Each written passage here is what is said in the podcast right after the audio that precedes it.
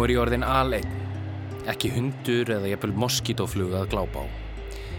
Ég hef yfir engu að kvarta nema þeirri bölfun að þurfa að fara út í kaldan vindin á þryggjartíma fresti að gá til veðurs.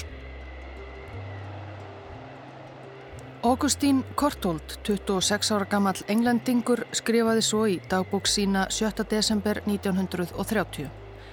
Þann sama dag hafði hann kvart sjö félaga sína á landa sem skildu við þann einan í tjaldi lengst uppi á Ísbreiðu Grænlands, mörg hundru kilometra frá nokkuri byggð eða lifandi mannesku.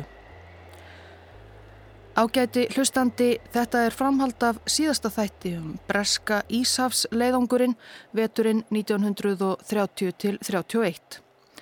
14 ungir brettar undir stjórn Gino Watkins, 23 ára, heldu til Grænlands til að kanna veður fara á Ísbreiðunni miklu og ekki síst hvort físilegt væri að fljúa yfir Grænlandsjökul á leiðinni milli Evrópu og Ameríku. Vegna þess hver erfitt var að ferðast upp að tjaldinu, veður aðtugunarstöð þeirra, á jöklinum að vetralægi, ákvað einn leiðangursmanna tíður Ágústín Kortold að bjóða sig fram að dvelja þar einn fram á vor til að drýja þær vistir sem voru í stöðinni. Félagar hans voru nokkuð evinsum að slík einvera gæti verið nokkrum manni helsusamleg en skildu loks Ágústín sinn eftir uppi á jöklinum og heldu niður að bækistöðum leiðangursins í fyrði á austustrand Grænlands.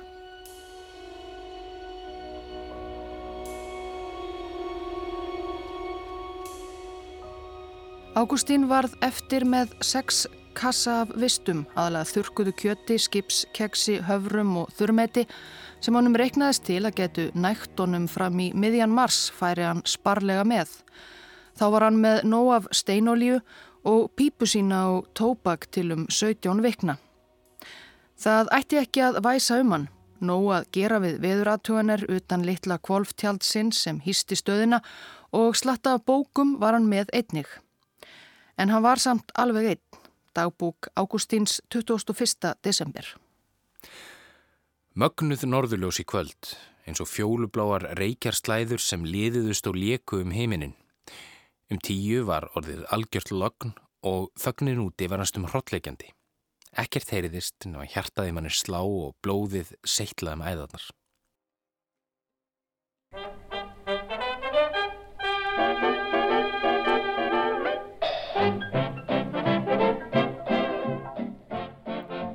Eins og sagði í síðasta þætti gáttu aðrir leiðangursmenn lítið synd markmiðum leiðangursins, veður aðtugunum og kortagerð þegar grænlenski veturinn var skollin á. Niðri í fyrði drápu breytar því tíman með ýmsum aðferðum, lásu mikið, hlustuðu á gramofón, reyndu fyrir sér við selveiðar að hætti innfætra, vist ekki með miklum glæsibrag og kynntu sér mannfólk og menningu Grænlands. Hópur breyta dvaldist hannig í góðu yfirlæti með grænlenskri fjölskyldu í hefbundum húsakinnum þeirra yfir áramótin 1930-31. Ágústín var einn á jöklinum yfir hátíðarnar. 24. desember. Ég sakna ekkert svo voðalega þæginda jólana. Þó var ég alveg til í bytta fersku kjöti og kjöthaksböku og enn meira slurk af plómubúðingi. Skömmu eftir áramót á fyrstu dögum ársins 1931 gerði mikið íllviðri á jöklinum. Kvolftjald Ágústíns var hálf grafið í snjó og ingangur í tjaldið í gegnum snjógöng. Þá lágu og göng í þrjú lítil snjóhús við tjaldið, geimslur og náðhús. Í hríðarbil fauk snjór inn í aðalgöngin og tefti svo að Ágústín varð stöðugt að vera að grafa frá snjó svo hann lokaðist ekki inni í tjaldinu. Mikið af vistum sínum og steinolíubrúsum geimdi Ágústín ekki inni í veðuratugunarstöðinni heldur fyrir utan upp við skjólvegg hlaðin úr snjó sem reyndist skíla litlu. Byrðirnar fendi sífælt í kaf svo þegar Ágústín þurfti á einhverju að halda að utan tók það hann langa stund að leita í snjónum og grafa upp kassa og brúsa. Þess á milli orkaði Ágústín ekki mikið annað en að liggja fyrir. Hann fór að leiða hugan að dauðanum. Kanski kæmist hann aldrei af jöklinum. Endalokk mín ættu að verða nokkuð friðsæl og ég er með fjögur súkulæðistikki að borða áður. Allavega verður ekki sama umstangið og ómagið og við að rökva upp af heima.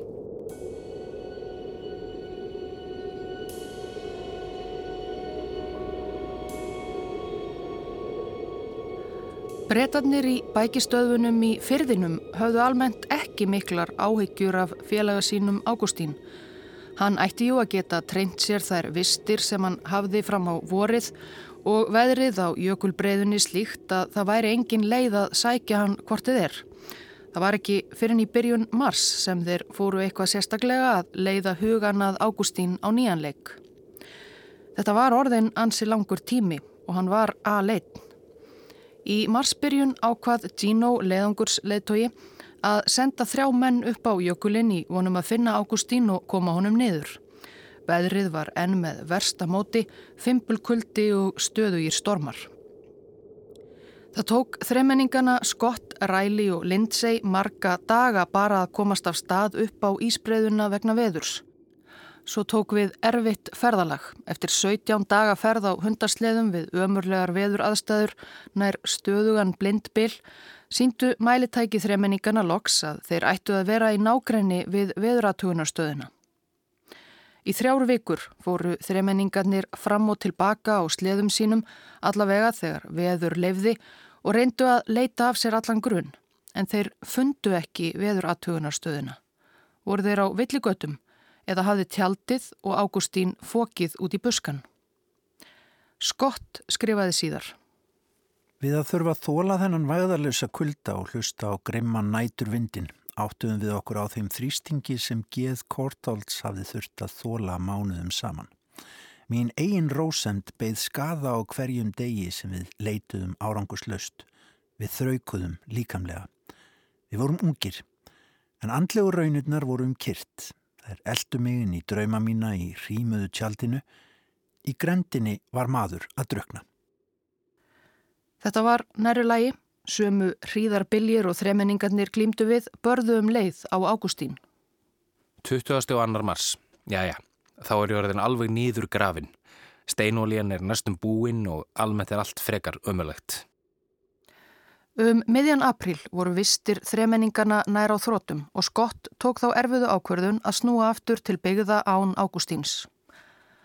Raunin var að þeir hafðu vissulega verið nálegt stöðinni en tjaldið og snjóhúsin þrjú voru orðinnar alveg grafinn í fannfergið og engin ummerki að sjá. Á meðan félagar hans ógu fram og aftur á sleðum lág Ágústín í næsta nágrenni að mestu hreyfingarlaus í tjaldi sínu grafinn í fönn. Hann hafði búist við því að einhver kæmi að leysa hann af um miðjan mars en svo var það ekki. Páskadagur 1931. Hef nú verið hér einn í fjóra mánuði ekkert útlitt fyrir að hjálp berist. Á bara um botla af steinóli eftir og eitt eða tvö kerti. Verðað liggja bara í myrkrinu. Um miðjan april var Ágústín búinn með tópakið sitt. Nú hef ég ákaflega lítið að lifa fyrir, skrifaði hann í dagbókina og tók að tróða telöfum í pípuna sína og reykja þau. Hann gatt hvortið er ekki lengur hitað sér te, nagaði bara klaka. Í dagbúk sína ritaði hann bref til unnustu sinnar Moljar sem hann hafði trúlovast skömmu áður en hann lagði af stað til Grænlands. Molli mín, ef ég hefði ekki þig að hugsa um þar sem ég liggi í myrkurinu og get ekki sofið væri lífið óbærilegt. Ég velti fyrir mér hvernig þú hafið það. Ef ég geti verið vissum að þú erið þér hamigjusum hefði ég engar áhyggjur. En ég tristi Guði algjörlega. Ég er vissum að hann ætlar mér ekki að deyja hérna.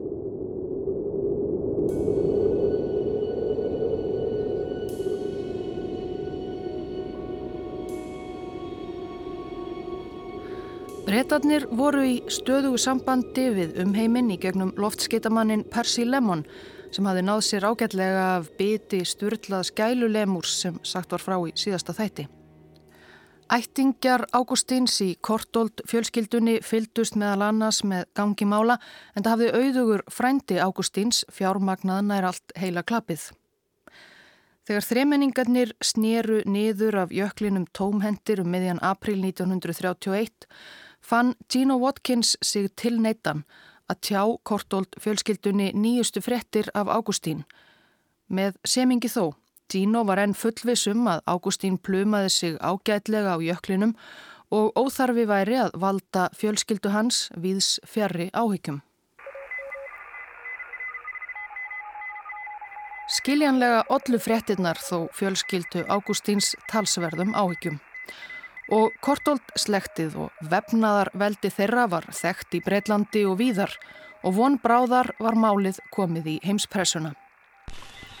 Mr. Augustin Courtauld, who is only 27, a member of the British Arctic Air Route Expedition, volunteered last December to spend five months alone on the Greenland ice cap. Kortholt hefur ekki sérst síðan fyrir jól. Mr. Kortholt, enski vísindamæðurinn, hefur verið alinn síns liðs uppi á jökli síðan fyrir jól í vetur. Gerar félagar hans ráð fyrir því nú að vistir hans séu nú á þrótum. Í dag getur hver Íslandingur borið höfuðið haft og fundið frjálsan andvaran leika um brjóstfjall saga Íslands herstað nýju og aldrei hafa Íslandingar átt vegulegri störf að vinna. Kynnstofn vor er hertur í þrautum og fangbráðum við storma íslenskra vetrarnáta og öldur út hafsins. Við heyrum Alexander Jóhannesson, professor í málvísindum við Háskóla Íslands, flytja ávarp á Líðveldisháttíðinni á Þingvallum 17. júni 1944. Alexander var mikilsvirtur fræðimaður og var um ári eftir að þessi saga gerist skipaður rektor háskólans. Því ennbætti gengdi hann til ársins 1935, svo aftur 39 til 42 og 48 til 54. Hann satt og í fjölda nefnda um mál háskólans og átti stóran þátt í uppbyggingu háskólasvæðisins í Reykjavík. En Alexander Doktor Alexander eins og hann var gerðnan kallaður var einnig mikill áhuga maður um flug og brautriðjandi á sviði flugmála á Íslandi. 1928 hafði hann verið einn kvatamanna að stopnun flugfélags Íslands, annars flugfélagsins sem fekk það nafn. Alexander á samt fleiri flugköpum Íslands hafði meðal annars sínt áhuga flugleið þeirri er breytatnir voru komnir til Grænlands að rannsaka milli Evrópu og Norður Ameríku um Norðurslóðir, Ísland, Grænland og Labrador og hann hafði veturinn 1930 áformum að verða fyrstur til að fljúa þessa leið. Af því varð ekki en svo var doktor Alexander kallaður til Grænlands samt sem áður. Úr minningabók Alexanders í lofti. Seint í april fekk ég skeiti frá London um beðniðum að fljúa til Ammasaleg og þaðan upp á Grænlandsjökul til aðstóðara englendingi er væri þar í lífsættu og væri að svelta í hel. Fóru nú allmörg skeiti á milli englendingsins í London og mín og var það úr að ég böðst til að fara á skipi að Grænlandsísnum og freysta að fljúa þaðan því ógerlegt var á flugvil okkar að fljúa alla leið. Tino Watkins hafði ítrekkað við Kortold fjölskylduna að engar áhyggjur þyrti að hafa. Þeir myndu hafa uppi á Ágústín þegar nærdrægi voru. En vefnaðarveldið hafði samt sett allt í gang. Herra Kortold, yfirmaður hjá Kortold Limited og fadir könnuðarins Týnda hefur hingað til varið 8.000 pundum í björgunaraðgerðir.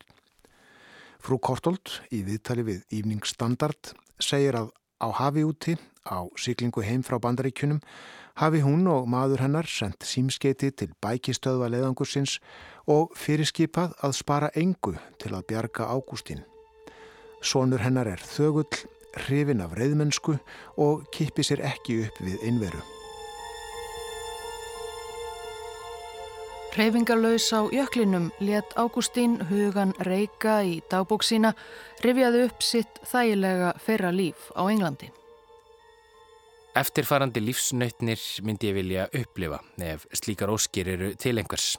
Eitt, að sitja í hægjendastól fyrir kvöldverð, fyrir framann snarkandi eld og hlusta á molli í spila og syngja.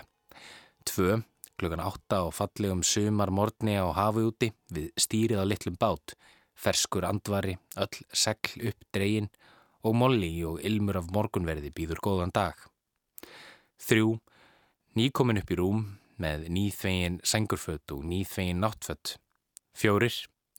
Að borða eppli í gardinum á björtum höstmórni fyrir morgumatt, mikinn morgumatt. Þurkuð síld, blæjuegg, nýru og sveppir, köld agurhæna. Fimm. Að fara ofan í heitt bað.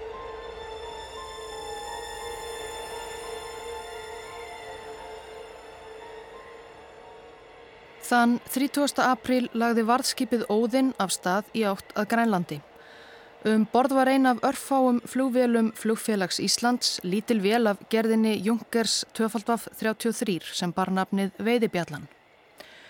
Og svo Björgunarsveitin, doktor Alexander Jóhannesson, Sigurður Jónsson flugmaður, þíski flugvélamæðurinn Svækovski, íslensku vélamennir Gunnar Jónasson og Björn Olsen og Gunnar Backmann loftskeitamæður. Veiðibjallan hafði ekki flugþól til þess að fljúa alla leið frá Íslandi til Grænlands og því var bröðuð á það ráð að sigla með flugveilina um borði í óðinni að hafísröndinni milli Íslands og Grænlands. Síðan átti að reyna metnaðarfullt plan, flytja vélina út á ísilagt hafið þann sem hún myndi hefja sig til lofts, fljúa til Amasalik og þaðan svo upp á jökulinn og þar koma auga á veður aðtugunarstöð Ágústins og varpa niður til hans vistum. Um borði óðinni voru reytnig fréttarittarar íslensku dagbladana, svo mikla aðtikli vakti leiðangur þessi og sendu þeir regluleg fréttaskeiti af framvindu mála. Erlendur Viljómsson, fréttarittari Alþjóðublaðsins, sendi meðal annars þessi skeiti. Óðinn, 30. april, klukkan 3.14. Ágætt veður. Það fyrir velum fluguna. Munum koma að Ísröndinni í nótt. Silt verður meðfram Ísröndinni til að leita að vög til að fljúa frá. Ítalegt skeiti sendt til Amaslik. Svar er enn ókomið. Engin sjóeiki, allir í góðu skapi. Flugan er útbúin fullkomnum loftskeittatækjum sem eigur mjög öryggi leiðangusmanna. Erum komin 91 sjómilu. Óðinn 1. mæ klukkan 11 fyrir hádegi. Grænlandsjöklar eru nú sínilegir. Ísbeltið er ekki eins breytt og búist frá við. Norðan kul. Sjór og loft hvortvekja fjögura gráðu heitt. Svækovski verkfræðingur hefur gert varastýris útbúnað á vélina sem eigur öryggi fljómana. Allir í ágættu skapi. Menn eru að taka í riflana í vonum að íspyrnir heimsækju okkur. Líklega voru Íslendingar með sitt tveggja ára gamla flugfélag ekkert óánægðir með þá tilugsun að geta unnið þá miklu hetjudáð að bjarga þessum bákstata breyta á Grænlandsjökli. Morgumbladið skrifaði svo þann 1. mæ. Það mun eigi ofmælt að öll íslenska þjóðin býði þess með eftirvæntingu hvernig þessum íslenska leiðangri reyðir af, hvernig það tekst fyrir fullhugum þeirra sem réðust í för þessa að verða hennum ennsku vísindamönnum að liði. En það er ekki aðeins Íslandingar sem í dag býða með óþreyju eftir fregnum af leiðangri þessum. Eftir fyrirspurnum þeim að dæma sem hingað bárust frá erlendum blöðum og fréttastofum í gær er það fullvíst að í dag byrtast fregnir af leiðangri Dr. Alessanders í öllum stórblöðum begja megin Allandshafsins. Það varð áraðanlega ekki til þess að minga hugsanlegan þjóðurremping eða kapsemi að ættingjar Ágústíns virtust ekki treysta Íslendingum einum fyrir örlugum hans. Um leið og doktor Alexander var ræstur af stað hafði Kortold fjölskyldan haft samband við sænskan flugfrömuð Albin nokkurn Arenberg og byðla til hans um að bjarga drengnum. Arenberg var Íslendingum ekki ókunnur. Tveimur árum fyrr hafði hann nöðurlend Junkers flúvel sinni sem hann nefndi Sverige á hafi við Skaftárósa þegar hann þraut eldsneiti. Arenberg var þá að koma frá Bergen í Noregi en hann freistaði þess einmitt að fljúa yfir Allandshafið. Arenberg komst aldrei alla leið yfir hafið. Hann tafðist svo lengi á Grænlandi og eftir mikla erfiðleika neittist hann loks til þess að snúa við í forviðri þegar hann átti einungist tvekja klukkustunda flugleið eftir til Nýfundalands. En Arenberg var því kunnur aðstæðum á Grænlandi og hafði þar að auki mun betri flugkost, stærri flugvél en Íslendingarnir með sína auðmu veiðibjöllum. Hann lagði af stað fljúandi frá Malmö, hafði stutta viðtvöl á Íslandi og hjælt svo áfram til Grænlands.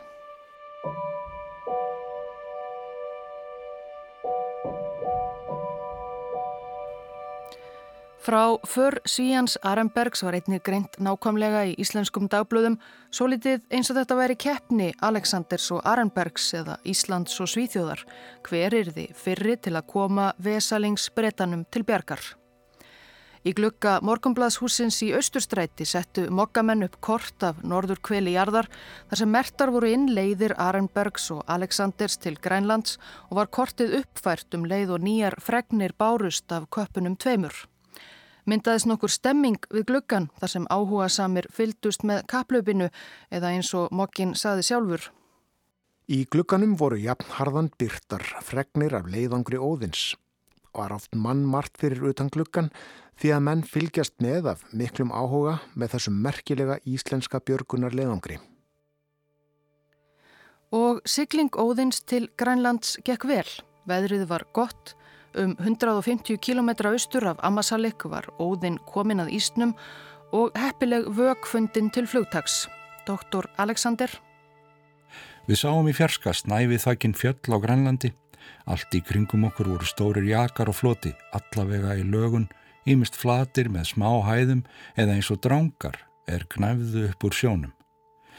Hæglátt gjálp heyrðist við ísjakana en niðri við á merlaði sjóin í allavega grænum litum, ljósgrænum og blágrænum og var eins og að líta niður í undirheim ævintýra. Engin fuggl flögraði á þessum slóðum, engin selur gæðist forvindnislega upp úr sjónum, heiminn kveldist heiður og blári yfir okkur, óendanlega kyrð kvildi yfir öllu og þó var eins og eitthvað dularfullt líf væri í kringum okkur. Mér fannst ég vera stattur í risavaksinni hákveldri kirkju en gjálrið í sjónum eins og hægláttar auðmjúkar bænir er stígu upp til himins. Og snemma morguns annan mæ var komið að ögur stundu. Veiði bjallan bilar. Íslensku flugmennir komast ekki leiðar sinnar. Klukkan fjögur í morgun voru allir vaktir til að undirbúa flugið til Ammasalik. Blíðu veður var og geysi stórar vakir enda hóf vélinn fljótlega flugið og flög í kringum skipið en skipverjar húruðu og hlökkuðu til að íslenska fánanum yrði varpa niður á þið dansk lokaða land Grænland. En Adam var ekki lengi í paradís. Eftir fjórar mínútur var aftur lend. Sagt var að ógerningur væri að halda leiðangrinum áfram. Var kent um raungu bensíni og bilaðri ólíudælu. Veiðibjallan brást. Annar reyvill velarinnar hafi bilað og ekki varum annað að ræða fyrir óðinsmenn en að pakka saman og fara heim. Ekki fjallust allir á þá skýringu að vittlust bensín hefði valdið biluninni. Í blöðunum næstu daga byrtust kenningar um að einhvers konar ósætti millir leiðungursmanna hefði orðið þess valdandi að veiði bjallan komst ekki á flug og allt var til einskis, jável einhvers konar ofríki doktors Aleksanders. Alþýðublaðið gekk lengst í slíkum vangaveltum svo mjög að Alexander hótaði fréttarittara blaðsins um borði óðni að lokum lögsókn. En ljóst var að margir voru vonsviknir að svona fór. Í Alþýðublaðinu var því sleið upp í fyrirsögn að málið væri óurlegt nexli og var þar spurt Er íslenska þjóðin að verða sér til mingunar frammi fyrir öllum heimi? mun langt vera síðan að menn hafa verið jafn einhuga um nokkurt mál sem för þessa. Það þarf því ekki að lýsa þeim óhug er slóa menn er fréttin kom um að hætt væri við leðangurinn. Hér var líka um einstakt tækifæri að ræða fyrir íslensku þjóðina til þess að láta sjá að hún væri til.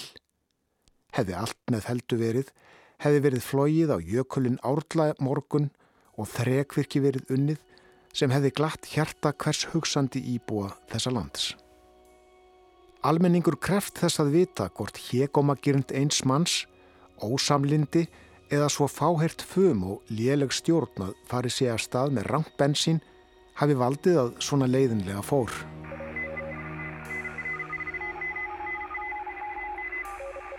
Kaupanahöfn 7. mæ. Aremberg hefur sett skýði á flugvílina og er tilbúin að hefja leitina en þoka hindrar flýið. Þó vonbreyði gripu Íslandinga heldu íslensku blöðin áfram að fylgjast með ferðalagi keppinautarins Svíjans Arenberg. Hann komst klakklaust til Grænlands á flugvelsinni en ferð hans var þó heldur ekki neinn fræðarfur. Jú, nokkru áður en bæði Dr. Alexander og Arenberg lögðu af stað Þann 21. apríl hafði fóringi brettana Gino Watkins lagt af stað við þriðja mann á skýðum og sleðum upp á jökulbreyðuna til að hafa uppi á Ágústín. Það var farið að vora, veðrið var orðið mun skaplegra en verið hafði um veturinn og Gino var þess fullviss að nú tækist að koma auga á veðuratögunarstöðina og hennar einmanna á búanda. Ferðin á jökulinn gekk enda nokkuð greiðlega lítill vindur oftast nær og stundum skínandi sól. Í mæbyrjun var Watkins komin í grend við staðin þar sem aðtögunarstöðin átti að standa.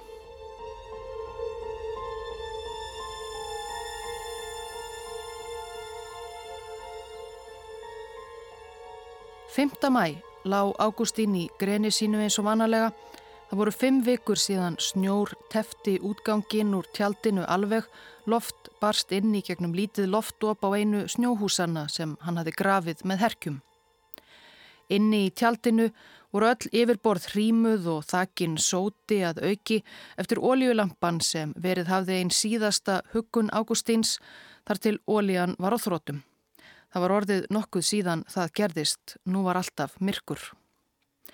Ágústín var að þræla í sig morgunverði, sneið af þurkuðu kjöti og smjörklípu, fyrir utan þetta átti hann bara havra eftir og ákvaðað við svo búið yrði hann bráðum að fara að grafa sig út úr fylsni sínu og reyna að ganga til byggða. Hann var orðin svo veikburða eftir fimm mánada legu á ísnum við nauman kost að þetta var auðvitað óðsmanns æði en hann var hættur að sjá fram á að nokkur kemi honum til bjargar úr þessu. Hann var lungu búinn að ímynda sér allt það sem komið hefði getað fyrir félaga hans á þessum fimm mánuðum. Fyrsta júni ákvaðan, þá skildi hann leggja af stað niður af jöklinum. En ekki lungu eftir þessa ákvarðanatöku. Skindilega heyrði ég voðalegt hljóð, eins og strætisvagn að vaka hjá og ringlaða rattir, mér kross brá, var tjaldið loksað hrinja yfir mig. Andartaki síðar rann hefði sanna upp fyrir mér. Þetta var einhver alvöru mennsk rödd að kalla niður loftopið. Þetta var undursamlegt augnablygg. Ég vissi ekki hvað ég ætti að gera eða segja. Ég rópaði stamandi tilbaka eitthvað sem virtist léttvægt á viðlíka stundu. Uppi á yfirborðinu höfðu Gino Watkins og félagar komið auga á það sem eftir var af veðuratögunarstöðinni, grafna í snjóin. Það fyrsta sem þeir sáu voru slitrur af breska fánanum sem hafði hangið fyrir utan stöðina og inni var Ágústín þeirra á lífi. Húrra, rópuðu þeir. Er ég lægi með þig? Já, Guðis í lofa því séu komnir, mér liði vel. Guðis í lof, sögðu þeir. Þeim var jafn létt og mér var. Heiminum var snúið á kvolf. Einastundina lág ég í myrkrinu og hugsaðum hvort ég myndi nokkuð tíman sjá einhvern aftur og einhvern tíman komast heim. Á þeirri næstu var heima handan seilingar. Dæin eftir, 7. mæ, lögðu breytatnir af stað til byggða með Ágústín sitjandi á öðrum sleða sínum. Þó hann væri veikburða hafði hann geta gengið uppréttur þegar félagar hans hjálpuðu honum út úr snjóprísundinni en á sleðanum leta hann fara vel um sig og las greifan af Monte Cristo á leðinni. Um miðjandag komu breytar auga á ókunnuga flugvél sem vomaði yfir þeim. Þetta var Junkersvél Arenbergs sem var sumsið degi of seint á ferðinni. Ágústín var þegar hólpin hans eigin félagar höfðu bjargað honum. Kaupmannahöfn 8. mæ. Lemon Kafteinn Símar, Kortold heitla hófi. Hann er lagður af stað með sleðalegangri Votkins til Amasalik. Frettir af Björgun Bretans á Grænlandsjökli rötuðu að vonum strax í fjölmiðla, begja vegna Allands ála og á Íslandi. 9. mæ. Arenberg grýpur í tómt. Hann finnur kofa Kortolds á Grænlandsjökli mannlausan. Setna sér hann sleða leðangurinn á heimlið og Kortold þar með félugum sínum.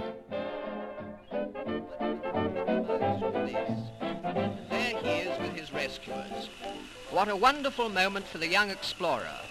after five months alone in the Greenland snows, to be with companions again, to see the sun after weeks of darkness in a snowed-up tent, and his first pipe, for tobacco ran out many weeks before.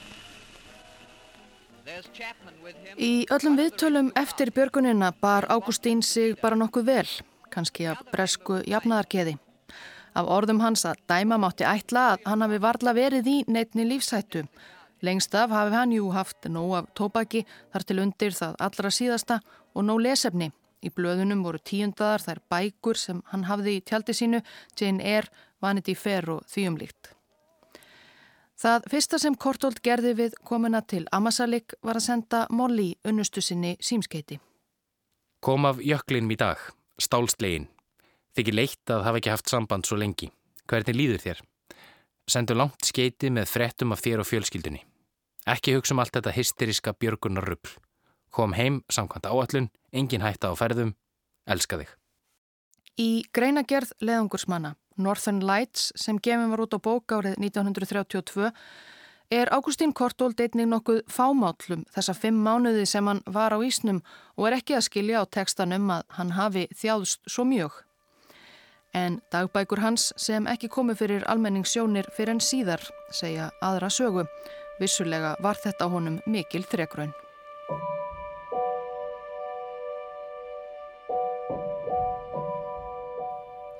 Heimsbyðin hafi fylst með leitinni að Ágústín af áferkju en þegar Gino Watkins var komin til byggða með félagasinn varð ljóst að þeim var öllum lítið um aðteklina og björgunar aðgerðirnar gefið eða með orðum leiðangursmannsins Lindseis.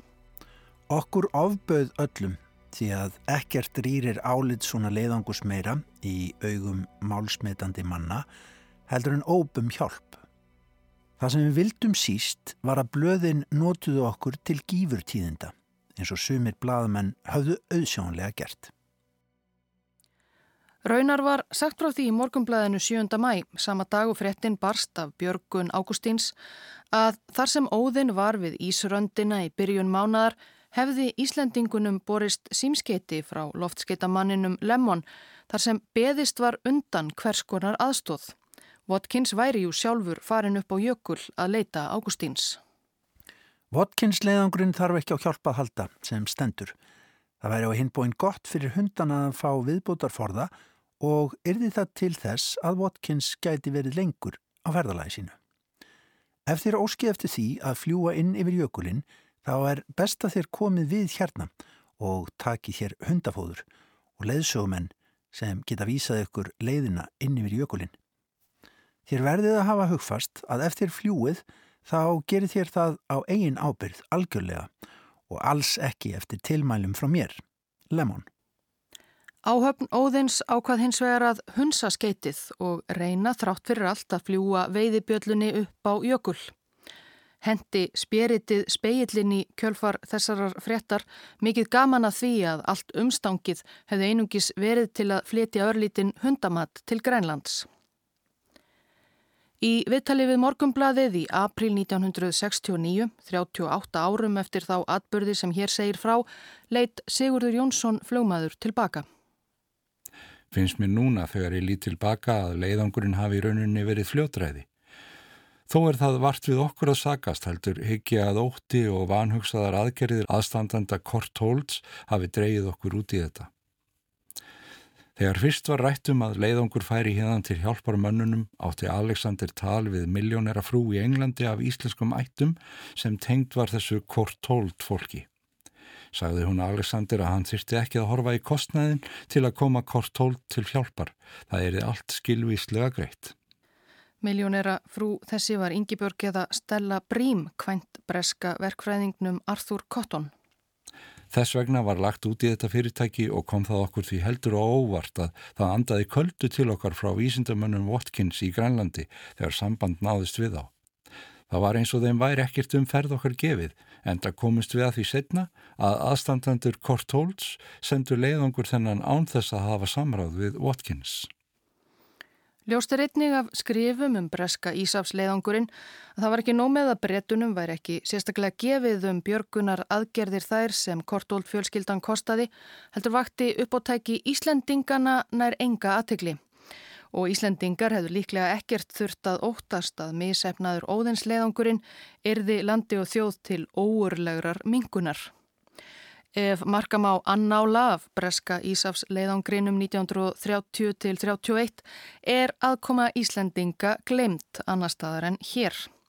Í Northern Lights, riti leðungursmanna, er talsvert fjallað um komu Albins Arenbergs til Grænlands en hverki minnst á Íslendingana en það komist þeir aldrei alla leið.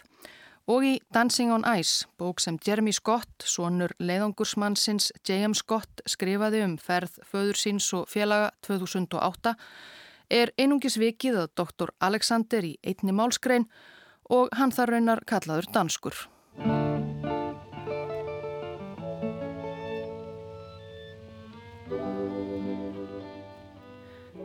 9. mæ, viku eftir að íslenski leiðangurinn fór út um þúfur, laði Stettifoss að Bryggju í Reykjavík.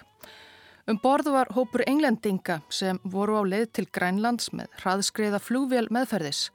Forspræki þeirra var ástrálski flugfrömmuðurinn Sidney Cotton sem var síðar frægur fyrir njósnaflug í Sidney heimstyrjöld. En þegar hann kom til Reykjavíkur voru borgarbúar fljótir að tjá honum það sem allir vissu að Ágústín Kortold væri heitla á húfi og kerði sig ekki um að láta bjarga sér. Kotton sneri því við eftir stutta viðtöl í Reykjavík. Sagan segir að jafnvel hafi enn fleiri málaliðar Kortold fjölskyldunar þá verið á leiðinni til Grænlands að bjarga Ágústín.